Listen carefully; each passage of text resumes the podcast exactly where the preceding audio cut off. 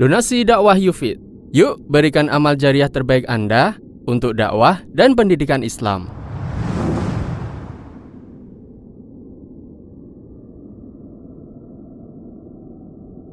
Bismillahirrahmanirrahim. Assalamualaikum warahmatullahi wabarakatuh.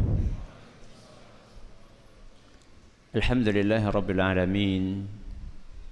Wa bihi nasta'inu ala umri dunya wad din.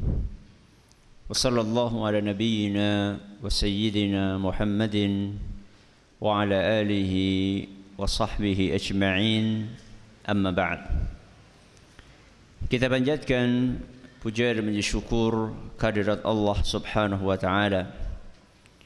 Pada malam yang berbahagia kali ini tanggal 26 Muharram 1440 Hijriah atau yang bertepatan dengan tanggal 5 Oktober 2018 kita masih kembali diberi kekuatan kesehatan hidayah serta taufik dari Allah Jalla wa Ala sehingga kita bisa menghadiri pengajian rutin untuk membahas adab dan akhlak di dalam Islam. Yang diambil dari hadis-hadis yang dibawakan oleh Imam Ibn Hajar Al-Asqalani rahimahullah dalam kitab beliau Bulughul Maram, Kitabul Jami' Semoga Allah Subhanahu wa taala berkenan untuk melimpahkan kepada kita semuanya ilmu yang bermanfaat sehingga bisa kita amalkan sebagai bekal untuk menghadap kepada Allah Jalla wa Ala. Amin.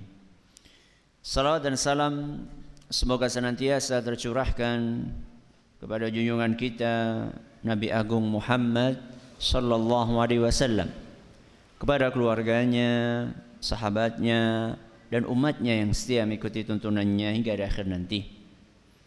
Para hadirin dan hadirat sekalian yang kami hormati dan juga segenap pendengar Radio Insani 88.8 FM di Purwokerto, Purbalingga, Banyumas, Cilacap, Wonosobo, Kebumen, Ciamis dan sekitarnya serta para pemirsa Surau TV, Niaga TV dan Yufi TV yang mudah-mudahan senantiasa dirahmati oleh Allah Azza wa Jal. Alhamdulillah pada pertemuan terakhir kita telah menyelesaikan hadis nomor 24. Mulai hari ini dan beberapa pertemuan berikutnya kita akan mengkaji hadis nomor 25 yaitu hadis yang berbunyi wa an Jabirin radhiyallahu anhu qala dari sahabat Rasul sallallahu alaihi wasallam yang bernama Jabir. Siapa? Jabir. Semoga Allah meridhai beliau. Qala Rasulullah sallallahu alaihi wasallam, Rasulullah sallallahu alaihi wasallam bersabda, "Kullu ma'rufin sadaqah." Setiap kebajikan, setiap perbuatan baik bernilai sedekah. Setiap perbuatan baik bernilai sedekah alias akan mendatangkan pahala seperti pahalanya sedekah. Rawahul Bukhari. Hadis riwayat Bukhari. Seperti biasanya, sebelum kita mengkaji konten dari hadis yang kita baca, kita akan sedikit mempelajari biografi dari sahabat yang meriwayatkan hadis ini. Siapa tadi? Jabir. Beliau bernama Jabir bin Abdullah Al-Ansari. Jabir bin Abdullah Al-Ansari. Al-Ansari berarti beliau dari golongan Ansar. Golongan Ansar tinggalnya di mana? Di Madinah. Kita akan awali dengan kisah perjalanan serombongan orang dari kota Yathrib Yathrib mana? Madinah. Nama lain kota Madinah. Hari itu ada serombongan orang melakukan perjalanan jauh dari kota Madinah menuju ke Mekah. Mereka meninggalkan kampung halaman dengan sebuah tujuan mulia ingin bertemu dengan Nabi kita Muhammad sallallahu alaihi wasallam. Itulah peristiwa yang disebutkan dalam buku-buku sejarah dengan peristiwa Baiat Aqabah. Apa? Baiat Aqabah. Nanti kita akan jelaskan apa arti dari baiat. Di antara rombongan itu ada seorang kakek yang memiliki sepuluh anak. Sembilan perempuan dan satu laki-laki. Dan dari sepuluh anak itu yang dibawa cuma satu. Yaitu yang laki-laki. Siapakah kakek itu dan siapakah anak laki-laki tersebut? Dialah ayahnya Jabir. Siapa namanya? Siapa namanya? Alhamdulillah. Kawit mau Jabir bin Abdullah masa orang paham-paham. ya mesti ramane Jabir ya Abdullah, Jabir bin Abdullah. Ya. Kakek itu adalah Jabir. Eh maaf. Kakek itu adalah Abdullah dan anak kecil itu adalah Jabir. Setelah rombongan itu bertemu dengan Nabi kita Muhammad sallallahu alaihi wasallam, maka satu rombongan itu menyalami Nabi kita Muhammad sallallahu alaihi wasallam. Mereka berbaiat menyampaikan janji setia akan beriman kepada Rasulullah sallallahu alaihi wasallam akan membela beliau, akan mendukung dakwah beliau, akan berkorban untuk ajaran Allah Azza wa Jalla. Dan saat itulah Islam menyentuh hati seorang bocah yang bernama Jabir. Islam masuk ke relung-relung hatinya seperti setetes embun yang menetes di sebuah kelopak bunga.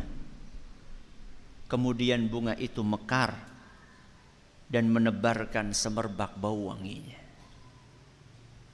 Itulah kisah perkenalan awal Jabir dengan Nabi kita Muhammad sallallahu alaihi wasallam dan dengan agama Islam. Singkat cerita, Ketika Nabi Shallallahu Alaihi Wasallam hijrah ke Madinah, kalau itu peristiwa orang-orang Madinah datang ke mana? Mekah. Lalu mereka pulang. Setelah bayat mereka pulang ke Madinah. Tidak lama kemudian Nabi kita Muhammad Sallallahu Alaihi Wasallam hijrah ke Madinah. Dan ketika hijrah ke Madinah, Jabir usianya sudah 16 tahun. Sudah menjadi seorang? Joko. Sebagai seorang pemuda sudah. Sehingga Jabir begitu melihat Nabi Shallallahu Alaihi Wasallam datang kota Madinah maka beliau pun terus menyertai Nabi kita Muhammad Sallallahu Alaihi Wasallam. Di mana ada kajian Jabir hadir. Dan bukan sekedar hadir tapi hadir untuk menyimak hadir untuk meresapi hadir untuk menghafal. Tidak sekedar apa? Hadir. Kalau hadir terus ngantuk apa mana ngobrol reuni ya. Atau-atau ngaji wean. Bunga apa atau-atau ngaji? ya. Di off. Ya. Off kan dulu. Kecuali kalau Anda pegang HP untuk untuk apa? Untuk nyatet. Nah, lain masalah itu. Pegang HP untuk nyatet. Di antara bukti yang menunjukkan keseriusan Jabir dalam belajar dari Nabi SAW. Dari sekian hadis Rasul SAW yang dihafal oleh Jabir sejumlah 1540 hadis. Berapa? 1540 hadis. Kalau kalian jenengan pinten hadis? Pinten? Setunggal. Napa kali? 1540 hadis. Sehingga Jabir termasuk dari segelintir sahabat Rasul SAW yang hadisnya di atas angka seribu. Salah satunya siapa? Jabir bin Abdullah, ada Abu Hurairah juga, ada Ibnu Abbas, ada Aisyah. Salah satunya siapa? Jabir bin Abdullah. Dan Jabir ini bukan sekedar orang yang menumpuk ilmu. Bukan sekedar orang yang belajar, belajar, belajar dan tidak mengamalkan ilmunya, bukan. Tapi Jabir adalah sosok yang dapat ilmu beliau amalkan, dapat ilmu beliau amalkan, dapat ilmu beliau amalkan. Sehingga tidak heran di antara amalan yang dijalankan oleh Jabir adalah jihad. Seluruh jihad yang dipimpin oleh Rasulullah sallallahu alaihi wasallam Jabir ikut kecuali dua perang Badar dan perang Uhud. Itu pun tidak hadirnya karena Jabir masih terlalu kecil. Dan tidak diizinkan oleh ayahnya. Sebab Jabir punya adik-adik perempuan yang masih kecil. Sehingga Jabir di ditugasi oleh ayahnya untuk menjaga adik-adik perempuannya. Malam hari sebelum berangkat berjihad, ayahnya berkata kepada Jabir, "Wahai anakku, ma urani illa maqtulan fi awwali man yuqtalu min ashabin Nabi sallallahu alaihi wasallam." Wahai Jabir, aku punya firasat bahwa aku akan terbunuh besok di perang Uhud. Dan aku berfirasat akulah yang akan mati syahid pertama kali dari pasukan kaum muslimin. Wa inni la atruku ba'di a'azza alayya minka dan tidak ada harta yang lebih berharga yang aku tinggalkan melebihi engkau wahai Jabir. Dan satu-satunya yang lebih yang bisa mengalahkan betapa berhargamu di sisiku adalah Nabi kita Muhammad sallallahu alaihi wasallam. Fa inna alayya dainan faqdi.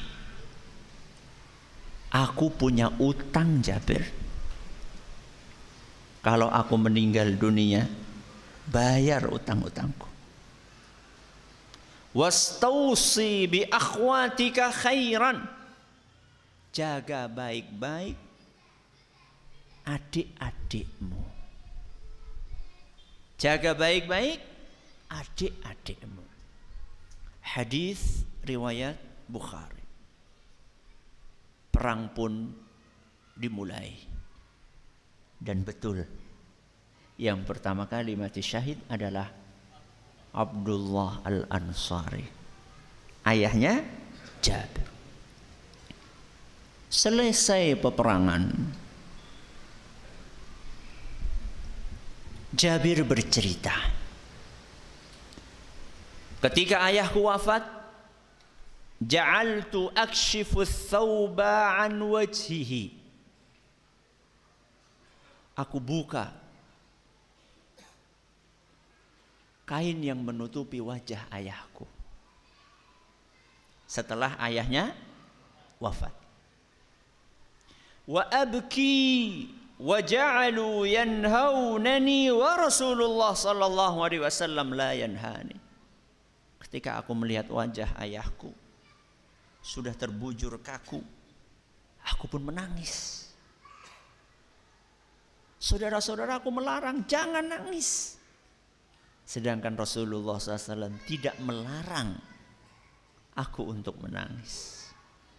Karena menangis adalah sesuatu yang manusiawi.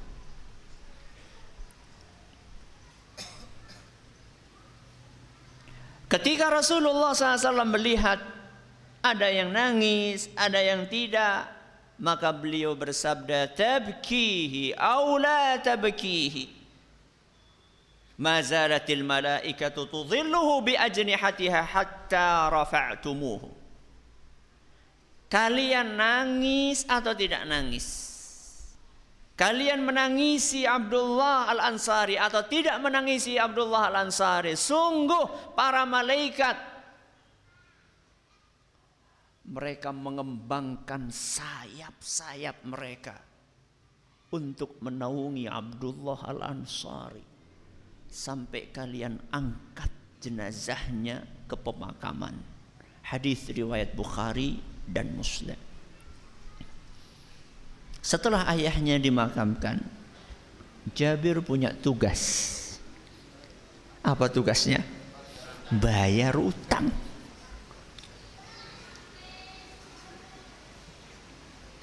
Dan utangnya ayah beliau banyak. Sedangkan harta yang dimiliki oleh Jabir sedikit. Dan tanggungan adik-adiknya banyak. Maka ketika panen kurma datang. Jabir menemui Rasulullah sallallahu alaihi wasallam menceritakan tentang kondisinya. Wahai Rasul, sebagaimana engkau tahu, ayahku mati syahid di perang Uhud.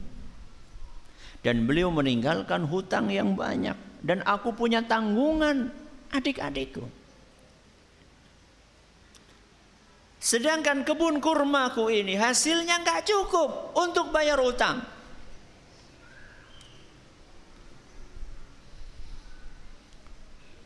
Bahkan untuk membiayai adik-adikku saja mungkin tidak cukup. Maka bantulah aku wahai Rasul.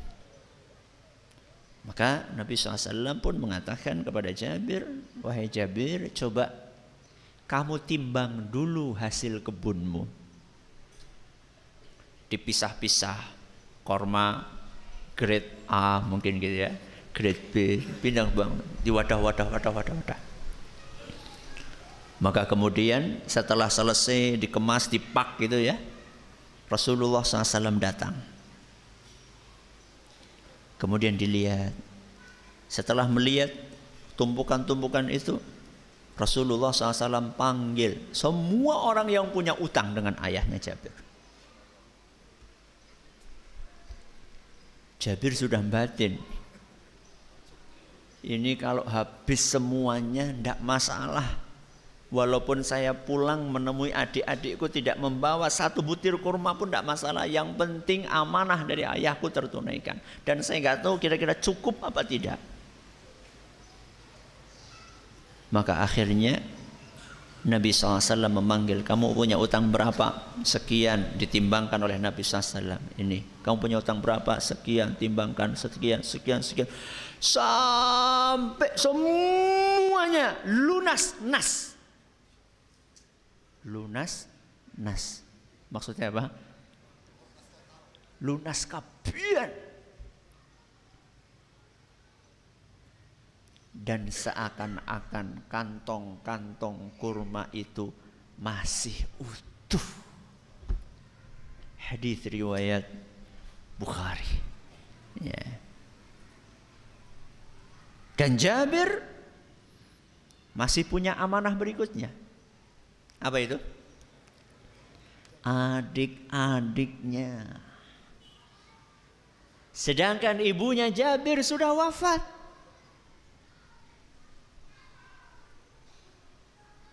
Dan Jabir usianya sudah masuk usia menikah. Dilematis. Kalau nikah, perhatiannya akan terpecah karena akan membiayai istrinya dan adik-adiknya. Kalau nggak nikah, ini sudah waktunya. Sampai mana tadi? Sampai mati lampu. Dilematis.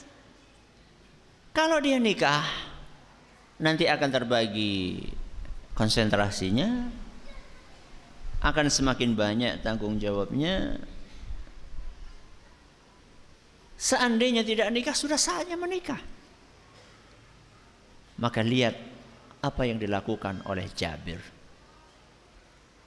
Diceritakan dalam sebuah hadis yang diriwayatkan oleh Imam Bukhari dan Muslim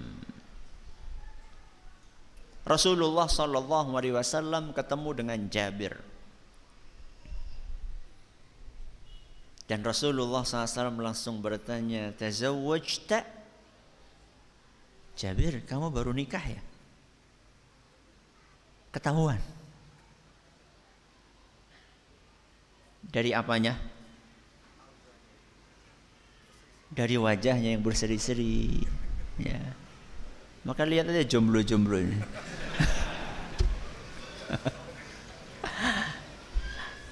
Orang baru nikah itu apa? Seger, seneng. tak? Wahai Jabir, kamu baru nikah ya?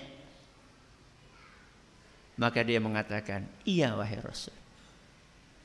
Nabi bertanya lagi. Bikran am sajiba?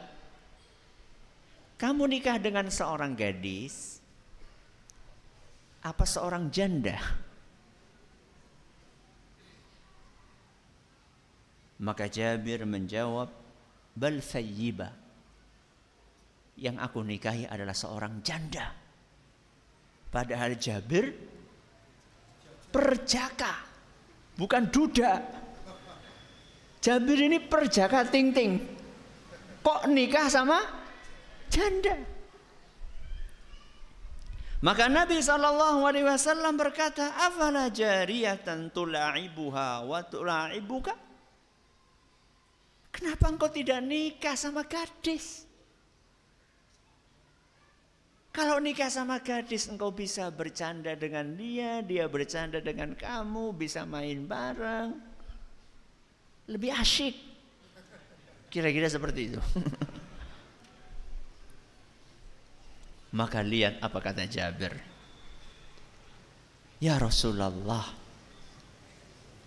ayahku wafat. Dan ketika beliau wafat meninggalkan sembilan adik-adik putri yang masih kecil.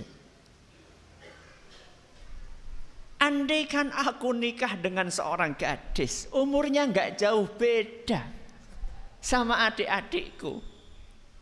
Apa yang akan terjadi? Caranya dewek ya, ya didiran bareng.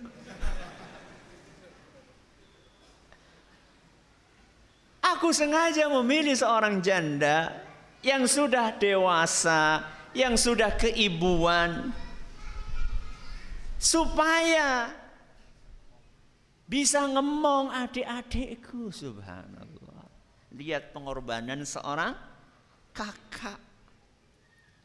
Bahkan disebutkan dalam Bukhari dan Muslim tamsyutuhunna supaya istriku ini bisa jungkati subhanallah jungkati bisa nyisiri rambut adik-adikku Wa taqumu alaihinna ngurusi keperluannya. Di dalam riwayat yang lain wa tu'allimuhunna wa tu'addibuhunna supaya bisa mendidik, mengajari adik-adikku. Inilah pengorbanan Jabir. Ingat terus wasiat siapa? Ayahnya sebelum meninggal dunia. Perhatikan adik-adikmu. Maka Nabi SAW begitu mendengar apa yang disampaikan oleh Jabir alasan kenapa nikah dengan janda. Nabi SAW langsung berdoa barakallahu lak.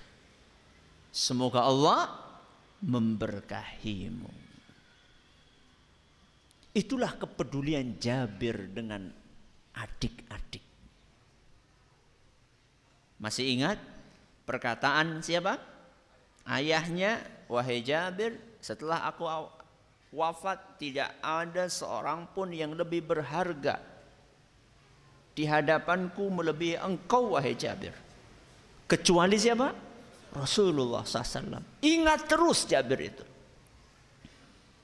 Maka Nabi Shallallahu Alaihi Wasallam mendapatkan prioritas utama dalam kehidupannya Jabir.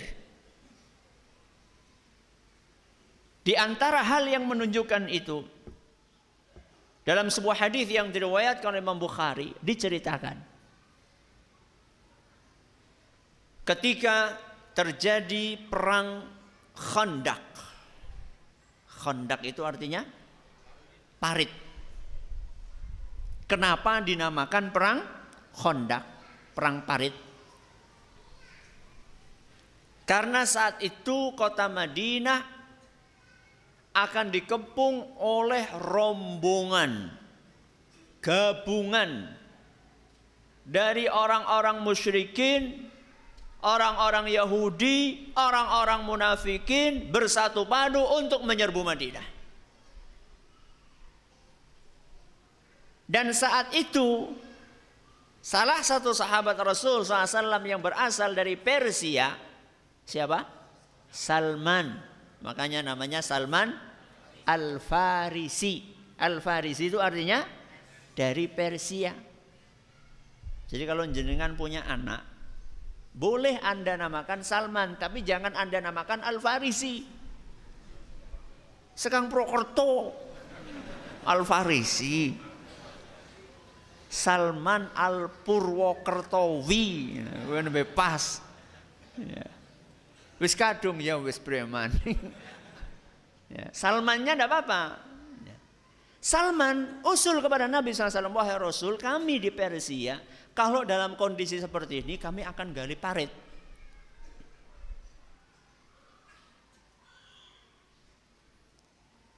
Parit itu fungsinya adalah untuk mencegah orang supaya tidak bisa masuk ke kota Madinah. Kita bukan bikin benteng tapi bikin parit. Dan tentunya parit yang dimaksud itu bukan kalen, bukan selokan parit yang lebar, yang dalam, supaya orang yang akan masuk ke kota Madinah nggak bisa masuk karena terhalang dengan ya katakanlah sungai lah ya. Nggak bisa dilompati oleh kuda berarti kan lebar. Dan kalau ada orang masuk tidak bisa naik Berarti kan harus dalam, harus lebar. Mengelilingi kota Madinah. Dengan peralatan seadanya. Apa peralatan seadanya? Pacul. Pemening. Sekop. Gejik. Linggis. Apa lagi? Apa? Ini loh, sek. Ini apa namanya? Sekop bukan ini Selondom, nah gue bener gue. ya kira-kira itu alatnya, nggak ada eskavator, nggak ada beko, nggak ada. Ya. Dan itu dikejar waktu. Pasukan musuh sudah akan datang. Sehingga, sehingga mereka kerja siang malam. Dan saat itu musim paceklik.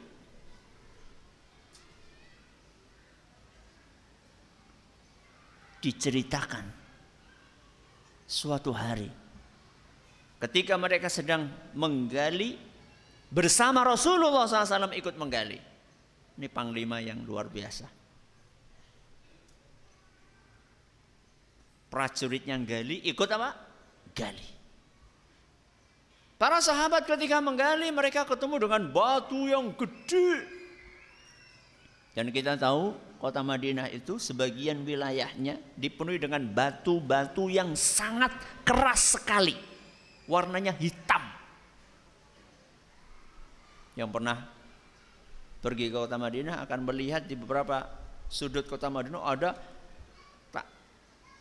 lahan yang isinya lah batu-batu gede-gede hitam besar-besar. Mereka nggak bisa menghancurkan itu. Akhirnya mereka lapor kepada Nabi SAW, Ya Rasulullah, kami menemukan kasus seperti ini. Maka Nabi SAW berkata, Ini nazil. Ya, aku akan tangani batu tersebut. Nabi SAW mengambil palu apa? Godam yang gede. Kemudian setelah mengucapkan bismillah dipukulkan palu godam itu ke batu yang besar. Mak biar langsung batu itu hancur berkeping-keping. Padahal saat itu mereka semuanya belum makan tiga hari tiga malam. Termasuk Rasulullah SAW. Rata-rata para sahabat mengikatkan satu batu di perutnya. Dan Rasulullah SAW mengikatkan dua batu di perutnya. Saking laparnya Rasulullah SAW. Jabir bin Abdullah yang melihat perut Nabi Shallallahu Alaihi Wasallam diikat dengan dua batu, nggak tahan beliau. Maka beliau pun izin kepada Nabi SAW, ya Rasulullah, izinkan aku pulang. Ini etika. Kerja bareng aja last loss. Ujuk-ujuk seorang nana gini ngendi Wahai Rasul saya izin untuk pulang ke rumah sebentar. Diizinkan sama Nabi SAW. Maka Jabir pun sampai ke rumah bertanya kepada istrinya, istriku punya apa? Ini ada sedikit gandum, ada satu anak kambing, cempe, Wahai istriku, aku barusan melihat sesuatu yang aku tidak tahan. Aku melihat Rasulullah SAW kelaparan. Ayo kita bikin makanan untuk Rasulullah SAW. Anak kambing satu-satunya disembelih oleh Jabir. Istrinya bikin adonan gandum untuk dibikin roti.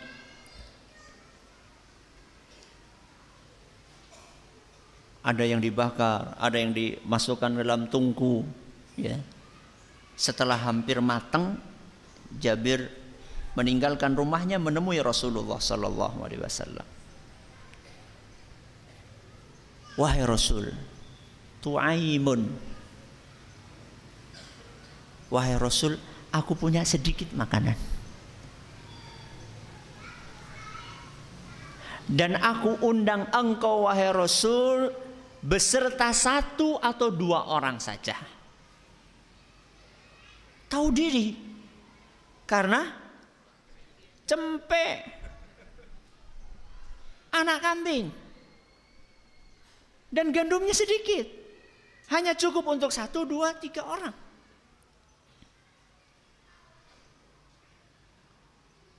Maka kemudian Rasulullah bertanya sedikitnya seberapa Maka Jabir cerita, ya sekianlah kira-kira Rasul. Nabi SAW mengatakan, kathirun toyibun. Oh, banyak itu kata Nabi SAW.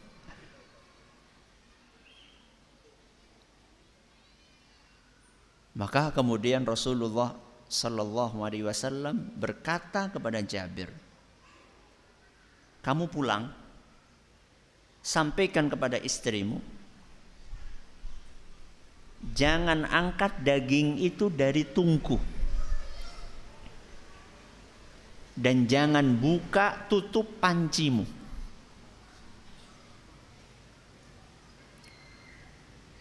Jabir dapat pesan seperti itu, ketika beliau akan pulang Nabi Shallallahu Alaihi Wasallam berkata kepada pasukannya, "Kumu,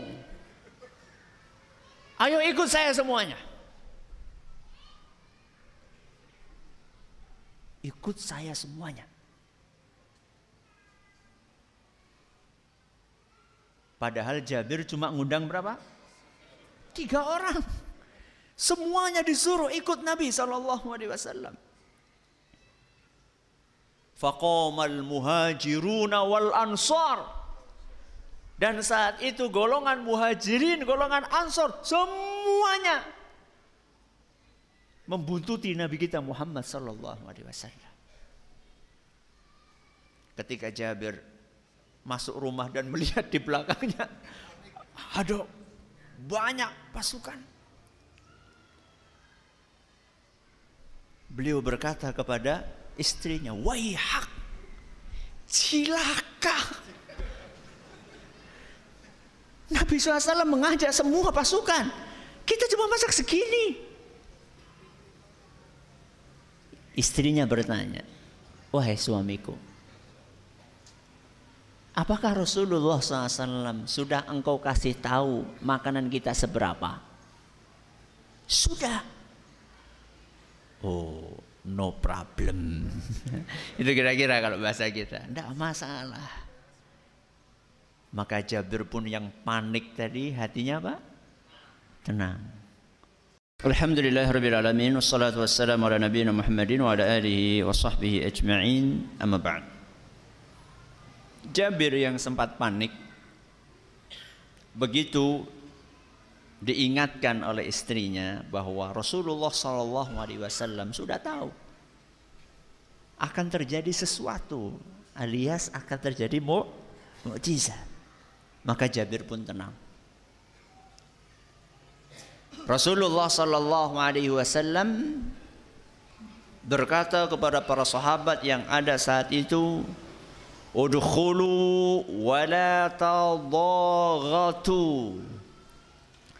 Ayo masuklah kalian ke rumahnya Jabir dak jangan desak-desaan. Tiga hari nggak makan.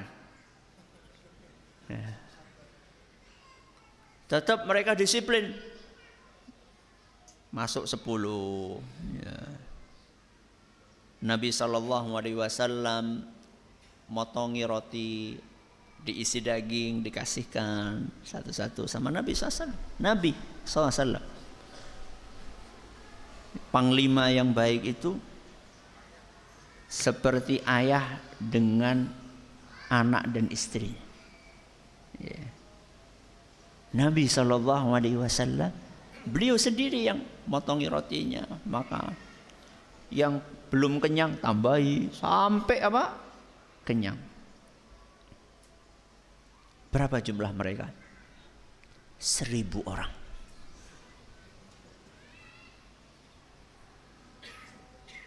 Satu cempe.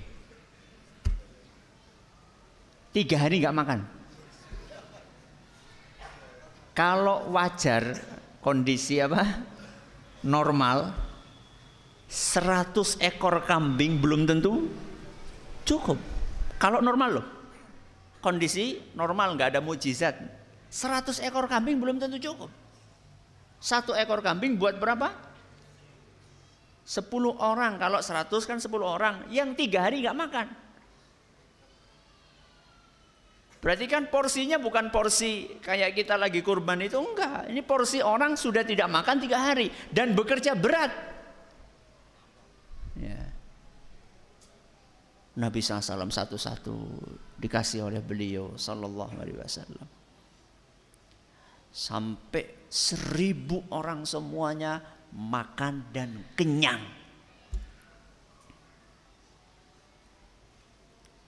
Kata Jabir, seakan-akan tidak berkurang sedikit pun dari masakan yang kami siapkan.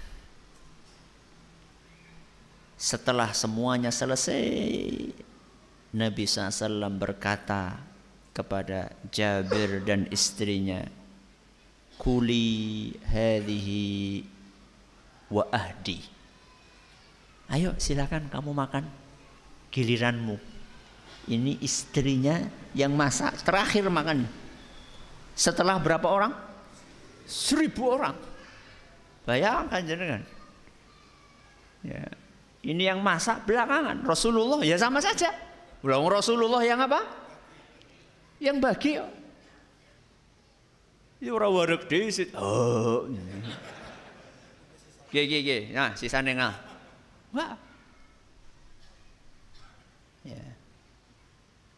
Ya silakan sekarang kamu makan wa ahdi dan berikan sebagian dari makanan ini kepada orang-orang yang lainnya. Karena yang hadir saat itu seribu orang itu baru prajurit. Di Madinah kan nggak semuanya prajurit. Ada anaknya prajurit, ada istrinya prajurit, ada ponaannya prajurit. Ya.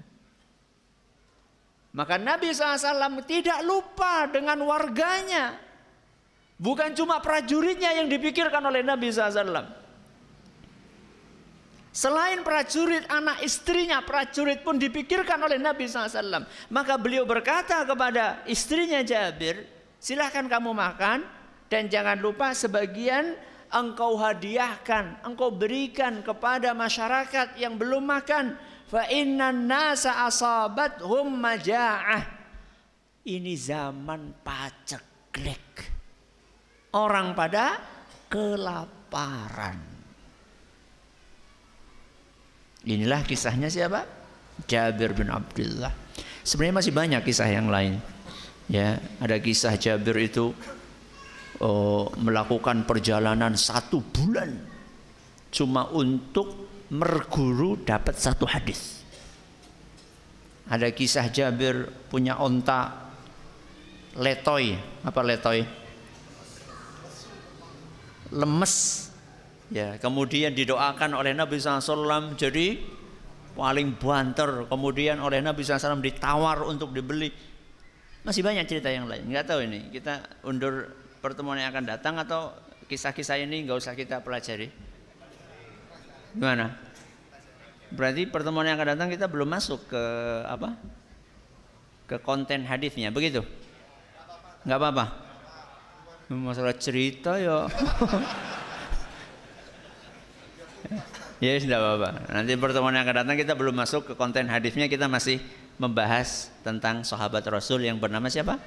Jabir bin Abdullah radhiyallahu anhu. Mudah-mudahan bermanfaat buat kita semuanya. Terima kasih atas perhatiannya. Mohon atas segala kurangannya kita tutup dengan membaca subhanakallahumma wa bihamdika asyhadu an la ilaha illa anta astaghfiruka wa atubu. Assalamualaikum warahmatullahi wabarakatuh.